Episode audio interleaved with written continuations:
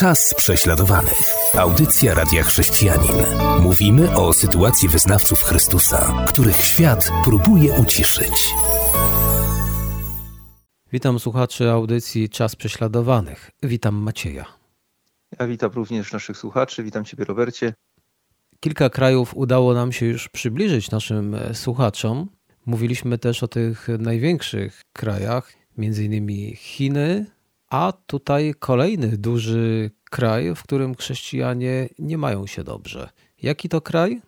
No, chodzi o Indonezję. To jest tak naprawdę bardzo, bardzo ciekawy i urozmaicony kraj pod wieloma względami. To chcieli nam opowiedzieć najpierw o tym kraju, ile tam ludzi zamieszkuje, może jeszcze jakieś inne ciekawe rzeczy. Populacja Indonezji oscyluje wokół 275 milionów ludzi, czyli jest to czwarty pod względem liczby ludności kraj na świecie. Dżakarta, stolica Indonezji, jeśli mówimy o, o niej jako o całej aglomeracji Dżakarty, to jest prawie 32 miliony ludzi, jest drugą co do wielkości aglomeracją świata. Indonezja, co wyróżnia ją spośród właściwie wszystkich innych krajów świata, leży na ponad 17 tysiącach wysp. I te wyspy są rozciągnięte na długości około 5 tysięcy kilometrów wzdłuż równika, a z południa na północ to jest 1750 kilometrów, więc kraj niebywale rozległy. Można sobie tylko wyobrazić, jak wiele wymaga zarządzanie takim krajem na tylu wyspach. Jest 14 pod względem powierzchni krajem świata, jeśli wliczyć to tereny morskie, to siódmym. I zarazem jest też jednym z największych państw demokratycznych na świecie, bo oficjalnie ustrój w tym kraju jest demokratyczny. Jest to też największa gospodarka w Azji Południowo-Wschodniej. Jeszcze kilka innych ciekawych informacji o Indonezji. Muzułmanie stanowią tam niemal 80% ludności, to jest prawie 219 milionów ludzi i Indonezja właśnie ma największą społeczność muzułmańską na świecie, czyli w żadnym innym kraju na świecie nie mieszka tylu muzułmanów, co właśnie w Indonezji. Często o tym zapominamy i tak naprawdę 13% ogółu populacji muzułmańskiej na świecie zamieszkuje w Indonezji. Ale to nie wszystko. Chrześcijanie stanowią tam 12,2% ludności, z tego 3% to ewangeliczni chrześcijanie, a łącznie jest ich 33 miliony 600 tysięcy, czyli niemal tylu ilu Polaków. I Indonezja, co jest, może być szokować, jest w pierwszej 20 krajów z największą społecznością chrześcijan w, w danym kraju. I w Indonezji zamieszkuje też czwarta największa populacja Hindusów na świecie. Jest ich tam 4 miliony 400 tysięcy. Tak więc widać, jak ogromny to jest kraj, jak zróżnicowany pod względem geograficznym, ale też pod względem religijnym. No i w tym tyglu niestety dochodzi również do, do prześladowań chrześcijan. Takim najtrudniejszym zdecydowanie okresem dla Indonezji i dla chrześcijan w Indonezji był przełom stuleci. Otóż między 1999 rokiem a 2002 rokiem na wschodzie Indonezji, w archipelagu Moluki, doszło do krwawych, do krwawych walk. Te sytuacje wykorzystały islamskie ugrupowania ekstremistyczne, które tam oczywiście skrzętnie wkroczyły. Wysłano tam tysiące bojowników z różnych stron Indonezji, ale też z południa Filipin, byli z Afganistanu, z Pakistanu, byli dobrze uzbrojeni. No i oni rozpoczęli dżihad i pacyfikację tych terenów w imię Allaha i dążyli do tego, żeby pozbyć się chrześcijan. Tysiące chrześcijan straciło życie, dziesiątki tysięcy musiało opuszczać swoje domy. Wszystko to jakby wydarzyło się, czy też islamiści wykorzystali właśnie te walki, które tam już się toczyły, żeby, żeby po prostu wykonać swoje zadania i w ten sposób oni działają w wielu krajach, tak? Wzniecają jakieś zamieszki, doprowadzają do konfliktu wewnętrznego, do jakiejś wojny domowej i świat postrzega to jako konflikt religijny czy etniczny, a oni wchodzą wtedy z wielką siłą i wkrótce okazuje się, że głównym celem ich jest wyniszczenie chrześcijan i najlepiej to wyraził ich przywódca, przywódca ugrupowania Laskar Ustad Jafar Umar, Umar Talib. On w czasie tych walk, tych mordów wezwał ich do, do zabicia wszystkich chrześcijan i powiedział również, że chrześcijanie mają dwie rzeczy do wyboru. Pierwsza to przyjść, pokłonić się u ich stóp, ucałować ich stopy i prosić o przebaczenie, a potem opuścić archipelag Moluki. A druga opcja, która była lepsza dla samych ekstremistów, to zabicie wszystkich chrześcijan na wyspach Moluki. Ten język, ten sposób myślenia jest nam znany z wielu innych miejsc, gdzie ekstremiści dochodzą do, do głosu. I jakby te wydarzenia, one położyły się cieniem na Indonezji, dlatego że no, chrześcijanie obawiają się powtórzenia tego typu działań. Jeśli nasi słuchacze chcieliby więcej poczytać o tym, co przeżywali wtedy chrześcijanie, zwykli chrześcijanie w Indonezji, to polecam książkę Płomienne Serca, którą wydaliśmy jakiś czas temu. I tam jest świadectwo naszej siostry w Chrystusie, chrześcijanki właśnie z tego rejonu Adel, która była świadkiem, świadkiem tych wydarzeń i również poniosła osobistą stratę bardzo bolesną. No to, to, to tyle na razie. Zapraszam naszych słuchaczy na przerwę muzyczną, po której dowiemy się, co tam obecnie ma miejsce. Witam po przerwie. Rozmawiamy dzisiaj o kraju, dosyć dużym kraju, Indonezji. I w tej części, Macieju, opowiedz nam, co w tej chwili tam się dzieje, jeśli chodzi o sytuację chrześcijan.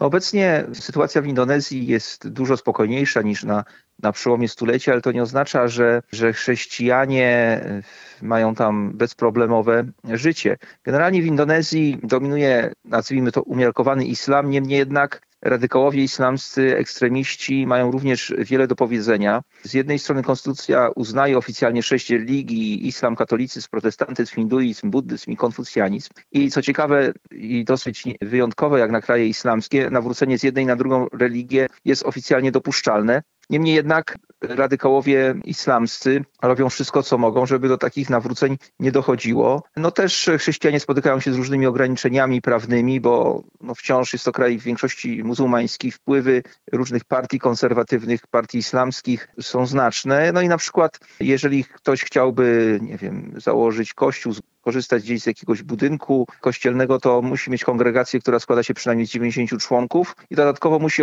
uzyskać jeszcze akceptację 60 sąsiadów wyznających inną religię. I jeszcze jakieś inne spełnić warunki, więc jest tego dosyć dużo. Często też jakieś lokalne władze stawiają utrudnienia, a w prowincji Aceh, która ma sporą autonomię, obowiązuje prawo szariatu i tam zdecydowanie jest najtrudniej głosić Ewangelię. Dodatkowo radykalni przywódcy islamscy podobnie jak w wielu innych krajach islamskich, w meczetach i w mediach zachęcają i wzywają do wrogości wobec chrześcijan i przedstawicieli innych religii. Chrześcijanie są przedmiotem oszczerstw. Tak więc no, sytuacja jest napięta, chociaż w dużych miastach chrześcijanie generalnie mogą spotykać się bez problemu, są, są duże kościoły. Im dalej od dużych miast i im dalej od głównych skupisk ludzkich, tym oczywiście sytuacja staje się trudniejsza. Co ciekawe, nawet na wyspie Bali, gdzie zdecydowaną większość stanowią wyznawcy hinduizmu, chrześcijanie nie mogą spokojnie głosić Ewangelii, a zwłaszcza nie mogą nawrócić się tak bezproblemowo z,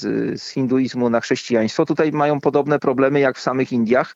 Otóż y, w przypadku nawrócenia większość hinduska wywiera presję na te nowo nawrócone osoby i uprzykrza im życie.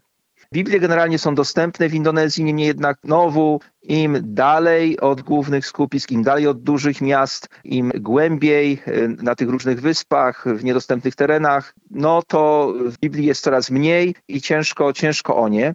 Tak naprawdę w Indonezji jest ponad 120 grup etnicznych, które są uznawane za niezewangelizowane i zgodnie z Operation World, to dane mam z 2010 roku, ale prawdopodobnie niewiele się zmieniło w tym sensie do dzisiaj. Indonezja jest na szóstym miejscu na świecie pod względem liczby niezewangelizowanych grupek etnicznych. Więc widzimy, że Indonezja przoduje w wielu kategoriach. No a cóż, jeśli chodzi o samych, o samych chrześcijan, no to wciąż nie jest łatwo. Na przykład w 2015 roku w prowincji Aceh, o której wspominałem, zamknięto wiele kościołów. Budowa nowych jest wręcz tam niemożliwa. Tam szczególna jest presja na osoby nawrócone z islamu, podobnie jak w krajach islamskich, gdzie dominuje bardziej radykalny islam niż w Indonezji jako całości. Ale też y, do głosu cały czas dochodzą ekstremiści islamscy, dokonują ataków. 13 maja 2018 roku, to przecież już całkiem niedawno, przeprowadzono zamachy na trzy kościoły, zielonoświątkowy, katolicki i taki ponaddenominacyjny i zginęło w nich 11 osób. To jest w Surabaya, drugim co do wielkości mieście w Indonezji. Ja tam byłem, piękne miasto.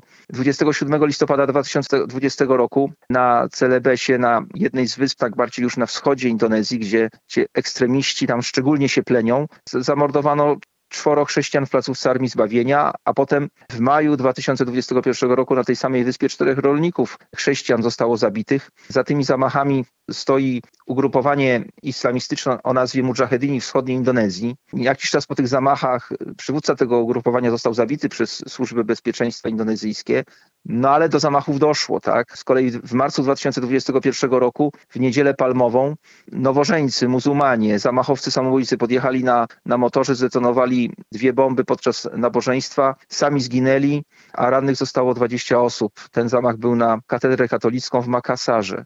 Tak więc widać, że cały czas w Indonezji wrze chrześcijanie no, muszą liczyć się z tym, że następny atak ze strony ekstremistów islamskich, których niestety tam nie brakuje, będzie na ich kościół czy na nich, więc no, presja, presja na chrześcijanach jest duża. Z drugiej strony te te wszelakie okrucieństwa, do których dopuszczali się ekstremiści islamscy w ostatnich dziesięcioleciach na chrześcijanach w Indonezji spowodowały, że wielu muzułmanów zaczęło kwestionować swoją wiarę i, i szukać odpowiedzi w Ewangelii. No i tutaj ci, którzy głoszą Ewangelię w Indonezji, no, zbierają żniwo dusz i mamy wiele świadectw o nawróceniach muzułmanów. Dobrze, że dostrzegają sytuację, że otwierają się oczy, to taka łaska Boża. Cieszymy się, że się tam nawracają. Podobnie jest w wielu innych krajach. Ekstremiści islamscy w pewnym sensie pomagają w głoszeniu Ewangelii, ponieważ wielu muzułmanów zadaje sobie pytanie, czy do takich okrucieństw można się posuwać, jeśli wyznaje się tę prawdziwą religię.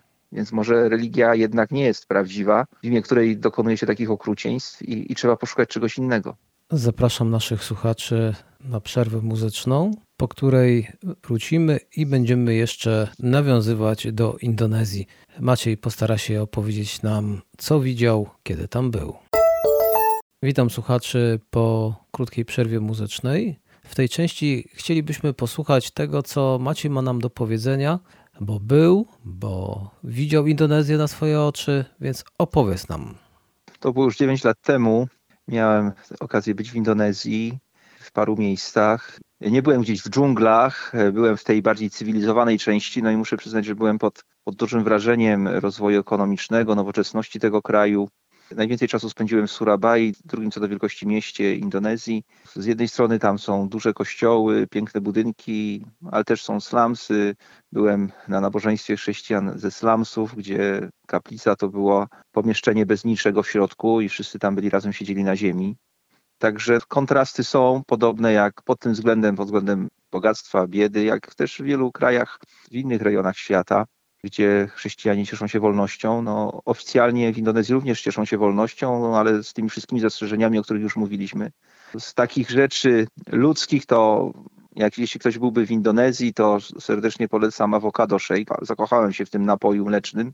Przepyszny, piękny, zielony kolor. Chyba tylko w Indonezji robią tak, go tak dobrze.